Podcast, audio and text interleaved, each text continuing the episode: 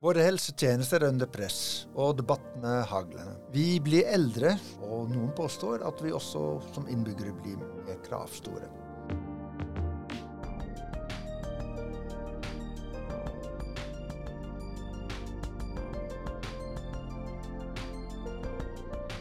Og selv om vi holder oss friske, vil vi gjennom et langt liv være mer syk enn før. Og Dette skaper store utfordringer. I dag snakker vi med Lill Sverresdatter Larsen, som leder Sykepleierforbundet. Og de siste årene har som en stødig hardfører tatt ordenes kamp på vegne av 120 000 sykepleiere i Norge. For sykepleierne står fortsatt i frontlinje akkurat da yrket oppstår. Men denne gangen i omorganiseringer, i sparekutt og i ny innovasjon. Lill Sverresdatter Larsen, hjertelig velkommen til Ehimpodden. Tusen, tusen takk. Og så er vi 130 000 medlemmer. 130 000, det blir jo flere og flere. Det er jo bra å vite at det er såpass mange av dere her i mhm. landet. Du representerer jo ganske mange mennesker. Kan du fortelle kort hvor yrket står nå i 2023? Du beskriver det jo i innledninga vi står der vi alltid har gjort, i lag med pasient og pårørende. I kliniske situasjoner, altså ved pasientsenga, ved, på sykehus og i, i, hjemmetjenester og på sykehjem. Og i tillegg er det sykepleiere selvfølgelig i veldig mange andre yrker, og i utdanningssektoren. Vi står uh, i lag med pasienten med noen ganske tøffe utfordringer eller problemer, alt etter hva man velger mhm. å se det som. Med en, eh, med en, demografisk framskrivning så betyr det at vi får eh, Det blir eh, tøffere og tøffere egentlig for hvert eneste år med tanke på den belastninga som er mm. i helsetjenesten. Og det erfares allerede heftig ute mm. i kommunene. I eldreomsorg innenfor psykisk helse og rus, med de tjenestetilbudene som er mulig å få til til barn og unge, skrøpelige eldre og kronikere. Og særlig i rurale strøk. I mm. nord, og faktisk på Innlandet, de, de fylkene som der situasjonen er verst med tanke på belastning og antall personell med riktig kompetanse ut ifra de behovene som, som, trengs. Og så er vi jo da der også med, med lederne våre. Vi har jo rundt 6000 eh, ledere, sykepleierledere, som er førstelinjeledere. Som står og skal ha det ansvaret både for å sikre en faglig forsvarlig og omsorgsfull tjeneste. Eh, du skal eh, ha personalledelse og du skal uh, tåle de økonomiske innstramningene som blir tøffere og tøffere også for hvert eneste år. Og du skal uh, klare å inspirere til både innovasjon og ta i bruk ny teknologi. Klare å se uh, muligheter til, til, til, annen type innovasjon. Det er ikke bare teknologi som er en innovasjon. Så hvordan vi skal klare å effektivisere, gjøre arbeidet vårt bedre eller forbedre arbeidsmåter, og samtidig da klare å stå i de ganske krevende eh, problemstillingene som vi gjør. Mm. Og det er mange årsaker til at vi har problemer med den, en, det mest sentrale, vel at vi blir eldre. Og det er jo i seg selv veldig positivt. Vi har et lengre liv. Men det vil jo føre da til ekstremt økning av belastninger på helsetjenester, særlig i kommunedelen, men også i spesialisthelsetjenester. Vi har økning av kreft, vi har en dobling av demens hvis vi får det oss i løpet av noen titalls år. Vi har generell aldring, det er jo som du sier, med skrøpelige mennesker. Og psykisk helse også noe vi ser krever mer og mer ressurser. Er Norge forberedt på dette? Ja og nei. Eh, vi er jo godt forberedt. Vi har jo et godt uh, eh, utvikla helsetjeneste i Norge. Vi har jo ut av verdens beste helsetjenester uh, i, i, Norge, og vi er særlig gode på det med akuttberedskap og det å berge liv fra en tidlig alder. For det er ikke bare en såkalt en, en, Jeg liker ikke begrepet eldrebølge. Men det er ikke bare det at vi blir eldre som krever ressurser i, i helsetjenestene. Det er jo det at vi også overlever mange sykdommer fra tidlig alder. Også med, vi, vi, redder liv helt ned til uke 23 på for tidligfødte barn. Ja. Eh, så det er klart, vi er, vi er jo innmari flinke på det medisinske feltet. Og på akuttberedskap og det å berge, berge folk fra over hele landet. Mm. Vi har 113 og Reddet uh, type serier som viser noen ting om hvor fantastisk flink folk og struktur i den norske helsetjenesten er. Men så er det jo noen, da, noen grupper som har fått et dårligere tilbud, og kanskje som blir dårligere og dårligere for hvert eneste år, og det er nettopp de her. Det er barn og unge, det er skrøpelige eldre, det er kronikerne, og det er personer med, med psykisk uhelse, rus og avhengighetslidelser. Hvorfor får de dårligere tilbud? Det er, det er, jo flere grunner til det, men det først og fremst er det jo finansieringa som går inn mot uh, Altså den strukturelle finansieringa av helsetjenester går inn mot nettopp akuttberedskap og type Altså, jeg jobber på hjerteavdeling og jeg jobber på nevrologisk avdeling på sykehus. Det er jo de avdelingene som fikk mest penger, hadde flest ressurser, tiltrakk seg den kompetansen som var nødvendig. Det er noen avdelinger som er mer populære både for, eh, for leger og for sykepleiere og annet helsepersonell, og noen er ikke det. Og finansieringa følger gjerne deretter. Mm. Så Jeg hørte helseministeren forrige uke snakke om det demokratiske skiftet istedenfor eldrebølgen. Det syns jeg er veldig bra. Mm veldig bra begrep, eh, tenker jeg. Um, det er mange debatter om, om, hvordan teknologi kan bidra til å uh, ta imot disse utfordringene, eller kanskje ikke kan bidra til det. Når man tenker på, på Helseplattformen, er det også mange som tenker at ikke det kanskje går så bra. Um, og da er det litt sånn gammeldags motforestilling mellom teknologi og varme hender og en del sånne ting. Hvordan ser du at, at uh, rundt digital hjemmeoppfølging, velferdsteknologi og andre ting er vi på riktig vei i Norge? Vi er for trege. Vi er alt, alt, altfor trege. Eh, og vi har eh, igjen gjort teknologien eh, og innovasjonene som vi har gjort innenfor det medisinske fagfelt, er jo langt fremme. Både med robotkirurgi ikke sant, og måten vi eh, ja, Ta noe, ta, ta noe telemedisin som vi har drevet på med i mange år i Norge. Mm -hmm.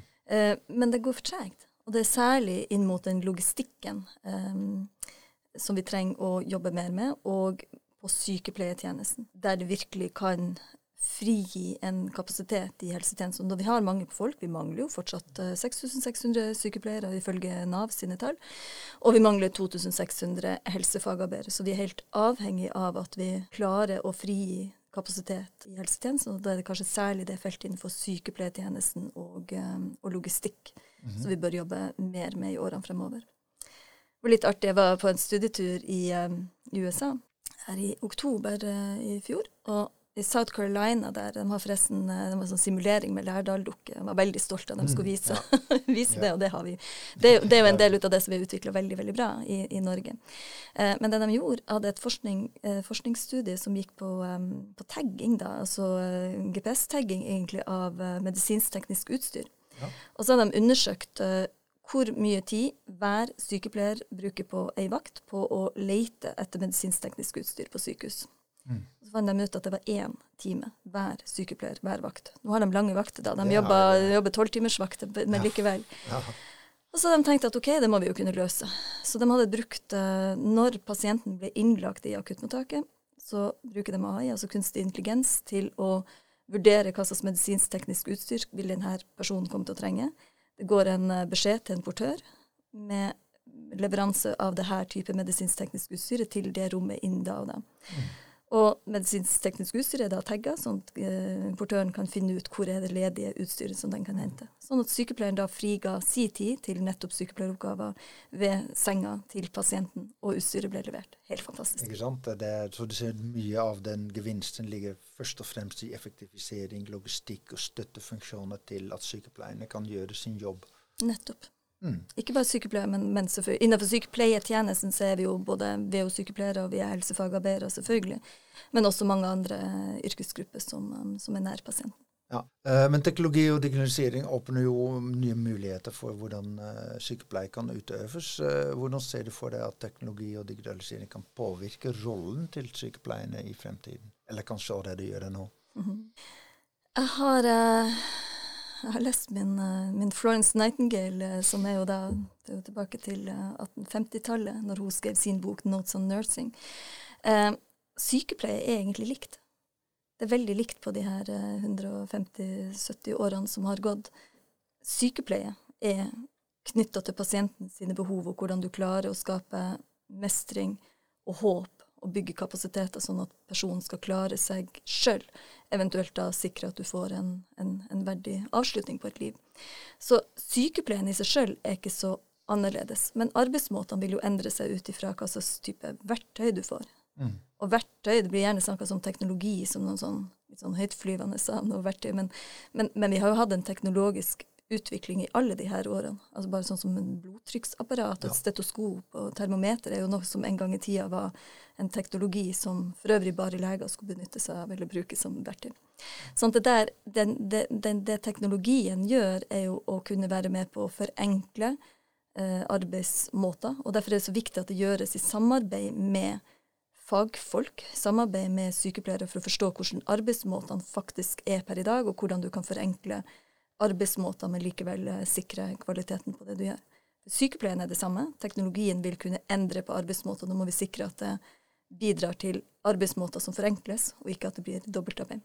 Mm. Og det er en del av problemet med noe av den teknologien som er utvikla som sykepleierne ser kan være nyttig, men det forenkler ikke arbeidsoppgavene likevel. Så de skriver fortsatt på gullapper f.eks., eller på hendene sine når de måler blodtrykk osv., for at de har kanskje ikke nettilgang, eller de har ikke tilgang til PC-ene og det, det utstyret, sånn at de har en dobbel- og trippel dokumentasjon istedenfor at det skulle gjøre det enklere.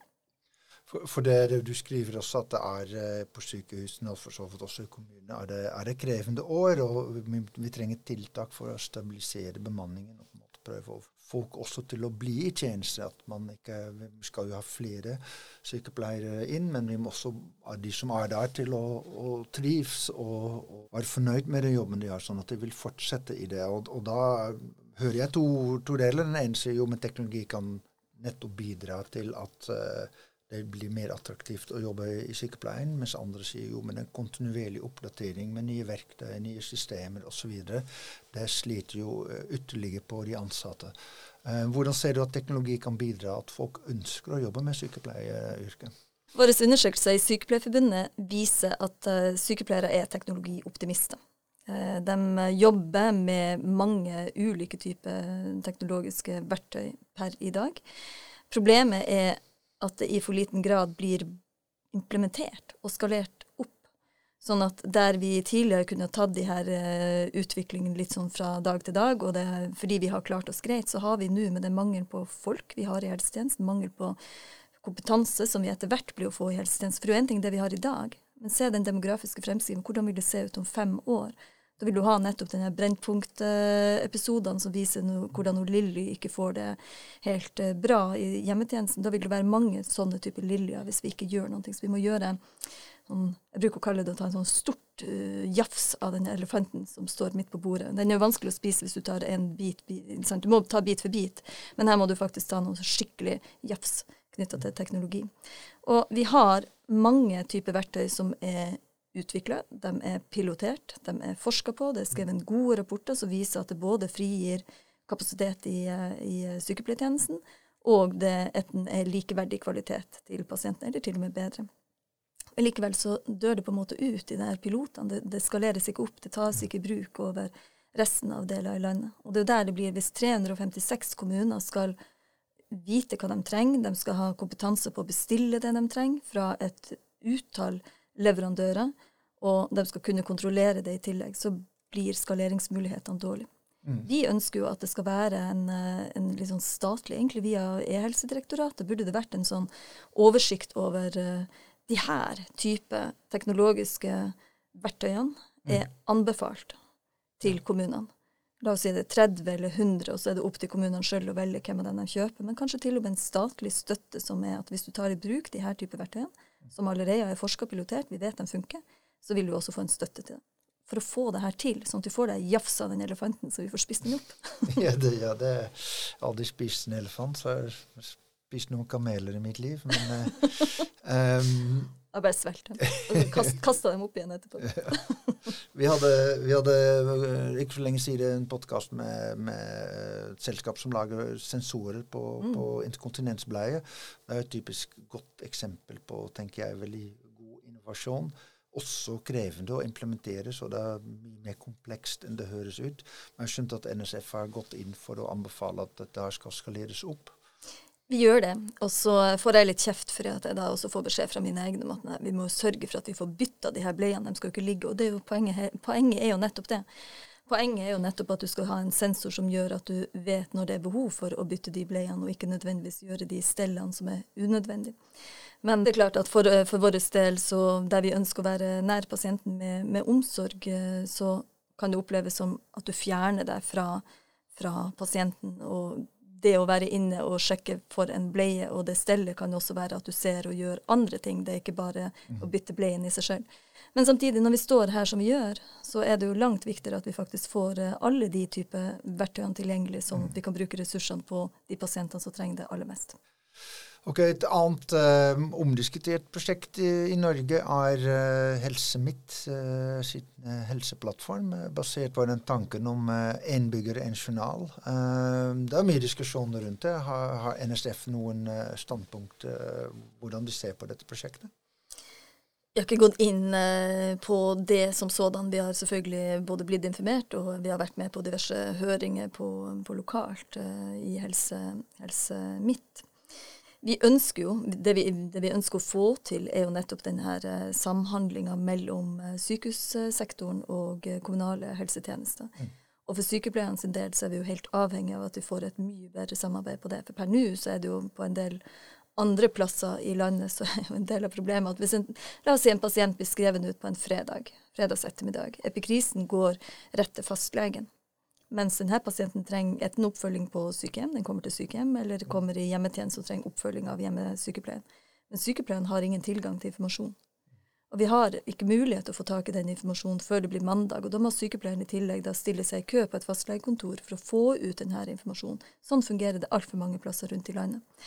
Så eh, Helseplattformen sin intensjon om en jevnere deling av helt nødvendig, livsnødvendig informasjon om en pasient mellom sektorer og mellom um, personell ser vi på som veldig, veldig, veldig bra. De har også en modul som vi håper vi får på plass etter hvert, som heter Epic eh, Concern, som benyttes i USA, som er en sånn sykepleietjenestemodul. Som bl.a. har det med fallrisiko, ernæringsrisikoer, og også bruk av AI, kunstig intelligens der, for sykepleieren sine notater. Så når du skriver ikke sant, et notat om en pasient, og hvis du da skriver at mm, AI-en fanger da opp begrep som 'aware', f.eks. på engelsk, som eh, 'være oppmerksom på' eller 'er usikker på om'. Sant? Sånn at du da gjør en vurdering ut ifra de dataene som er, og sykepleieren sine notater, og kommer med varslinger på hva du bør være særlig oppmerksom på. Så det håper vi på å få på sikt. Og så vil jo ethvert nytt system ha uh, bugs. Det vet vi jo. Mm. Den har um, den har, eh, vil ha problemer. Det ser vi jo også at Helseplattformen har. Samtidig er det nok ikke sykepleierne som syns det er mest krevende per nå. Vi er egentlig stort sett fornøyd med at det er lettere å få tak i informasjon enn det var før. Ok. Det er jo et stort prosjekt med mange, mange innganger som, som vil sikre vare en stund til før det er landet. Um, du, du, er også president for Sykepleiernes samarbeid i Norden. Mm. Gratulerer, SSN. Um, har vi de samme utfordringer som, som, våre naboland, og er vi flinke nok til å samarbeide? Uh, vi har mange mange av de samme utfordringene med tanke på mangel på personell, uh, og at vi har uh, sånn sett et velutvikla helsetjeneste, og befolkninga har forventninger også til hva offentlig helsetjeneste skal kunne levere på. Eh, vi har eh, i varierende grad, men omtrent det samme utfordringsbildet også knytta til bruk av teknologi, implementering og skalering av teknologi. Det er jo veldig spennende å følge med på Finland, f.eks., som nå som nå eh, går mer mot en sånn en, en sektors, i alle fall innenfor regionene, en sektors innenfor regionen, da, helsetjenester, hvordan en bruker dele data imellom, uh, imellom de ulike tjenestene. Så det, særlig Finland er vel verdt å ha et, uh, et, godt øye til og følge med på dem. Men er vi gode til å samarbeide, eller jobber hvert land for seg selv? Jeg syns ikke vi er gode nok til å samarbeide. Det er for så vidt også en av grunnene til at jeg uh, har tatt på meg et presidentskap i Sykepleierens samarbeid i Norden. Fordi vi har mye ut av det samme utfordringsbildet, men vi kan dele mye mer av uh, den kunnskapen som vi erverver oss uh, i land, men også de Altså Spørsmålet er jo hvem er det som skal eie dataene? Hvem er det som skal eie helsedataene i årene fremover? Er det Kina, er det USA, eller skal vi også ha et større samarbeid innenfor uh, nordiske forhold f.eks.? Absolutt, det er jo veldig interessante ting. Mm. I november avholder NSF viktig landsmøte, landsstyremøte. Mm. Du skal bl.a. være på valg. Du stiller deg til en periode til? Jeg gjør det. Ok, spennende. I 2019 uh, eh, skrev dere bl.a. etter den uh, landsstyremøtet som, landsstyremøte som var da, at uh, teknologi og digitalisering åpner for nye muligheter om hvor og hvordan sykepleie utøves. vi skal skape bedre kvalitet i tjenester, skal være raskere, mer individuelt tilpasset og skal være tryggere. Um, og vi vil også øke tilgjengeligheten i tjenester, både når og hvor pasienten har behov for dem. Dette var for 2019. Så hvordan ser du utviklingen har vært de siste årene i perspektiv av det dere sa i 2019, og hvordan tror du det vil gå videre etter årets landsstyremøte? Jeg gikk til valg i 2019 for noe mer enn eh, fire år. Jeg tenker at det er vanskelig for uansett politisk parti, men også for, eh, for oss i Sykepleierforbundet, å skape det som er nødvendig i løpet av en fireårsperiode. Så det gikk til valg på i 2019, står seg veldig godt også for et valg i 2023. Det som vi ser har skjedd på de her årene, er jo en pandemi selvfølgelig som har vært med på å synliggjøre de problemene vi allerede hadde i 2019, har på en måte blitt mye mer synlige gjennom en pandemi i helsetjenesten. Og behovene for nettopp uh, de her store jafsene og uh, tiltak som må være sånn tverrpolitiske tiltak og tverrsektorielle tiltak. For at helse gjelder jo bare gjelder så mye mer enn bare Altså helsetjenestene er pasient og pårørende og ansatte, men det gjelder oss som samfunn. Og det tenker jeg er blitt veldig synlig gjennom eh, pandemi og gjennom de krisene som vi står i for øvrig, er at hvordan vi gjør helsetjenester, har betydning for hvor det skal være mulig å bo hen i landet. Det vil ha betydning for et forsvar, en beredskap, uansett krise eller uh, krig. Det har betydning for hvor det er mulig å drive næringsliv, som ble veldig synlig gjennom en nedstengning i pandemien. Sånn at, og det har betydning for om du har offentlige eller private helsetjenester som er på en måte en del av det grunnfjellet av tillit og likeverdighet som vi har i Norge. Så det som har endra seg i disse fire årene, er den synligheten av helsetjenesten sin betydning, og dermed en slags politisk oppvåkning, tror jeg, til å forstå at det her kan vi ikke drive på kjekkelig om. Det er altfor mye som står på spill for oss som norsk eh, nasjon og norsk befolkning, til at vi kan kjekle mellom partiene om hvem som har gjort det ene eller hvem det som har gjort det andre. Vi må alle sammen trø til. Eh, regjering, storting, kommunale politikere og arbeidsgivere, og selvfølgelig også vi som fagforening, hvordan vi klarer å sikre framtidas helsetjeneste der vi fortsatt har en kvalitet som er god nok, og det er mer enn minstemål, sånn som jeg tenker. Og likeverdighet, sånn at vi fortsatt har bosetting over hele landet og mulighet til å drive næring eh, i nord, f.eks. med både fiske og uh, industri. Ok. Og Har du noen eh, realistiske målsetninger for den neste periode du, du brenner for å få til i den, eh, i den, perioden? Det med teknologi og innovasjoner må vi få til. Altså, det må vi få til i de her fire årene som kommer. Hvis ikke så tror jeg vi, eh, da kan vi begynne å snakke om krise, Nard. og så er det det med ledelse. Ledelse av enhver innovasjon, enhver um, løft som skal gjøres, endring som skal gjøres. Og det skjer fort nå. Det må mm. ledes. Det må ledes politisk. Det må ledes uh, gjennom en fagforening som, som, jeg vil ta på meg den ledelsen fortsatt. Og ikke minst må det ledes av førstelinjelederne våre, uh, både faglige og formelt og personalledelse. Og per i dag så har førstelinjelederne våre, sykepleierlederne våre, har median 93 ansatte eh, under seg. Og det er et vanvittig høyt tall. Mm. Det er ingen i privat næringsliv som er i nærheten av å ha noe sånt. Og forskning sier at du bør ha en sånn 8-15. Så hvis vi nå klarer å få et lederspenn eh, som er litt lavere, kanskje rundt 30, så vil du også ha større muligheter til å faktisk ta i bruk verktøy, ta i bruk teknologi, løfte hodet og faktisk uh, se hva slags innovasjoner som er mulig og muliggjøres i årene fremover. Så uansett hva vi skal få til i de neste fire år, så er vi helt avhengig av faglig og formell og politisk ledelse.